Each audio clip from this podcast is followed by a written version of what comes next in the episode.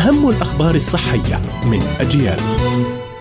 إليكم موجز لأهم الأخبار الصحية. توصلت دراسة جديدة إلى أن الحفاظ على رطوبة الجسم بشكل صحيح.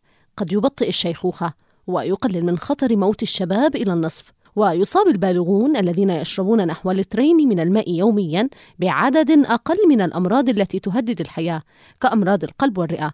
كما أنهم يعيشون لفترة أطول من أولئك الذين قد لا يحصلون على سوائل كافية.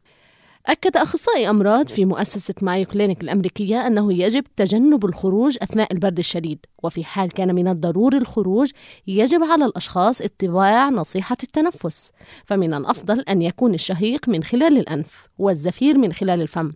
فالأنف يقوم بترطيب الهواء وتدفئته أفضل من الفم كما أنه من الأفضل وجود وشاح يلف حول الأنف والفم إذ يمكن أن يساعد في الهواء الطلق لأنه يحبس بعضا من الحرارة والرطوبة. يمكن تناول فاكهة القشطة الطازجة للحامل فهي تزودها بالفيتامينات والمعادن المهمة وتمتلك الكثير من الخصائص الغذائية والصحية.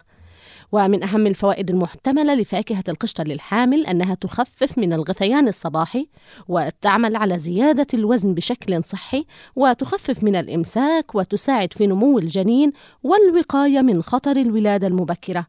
كانت هذه أهم الأخبار الصحية. قرأتها روزانا طه. إلى اللقاء. Thank you.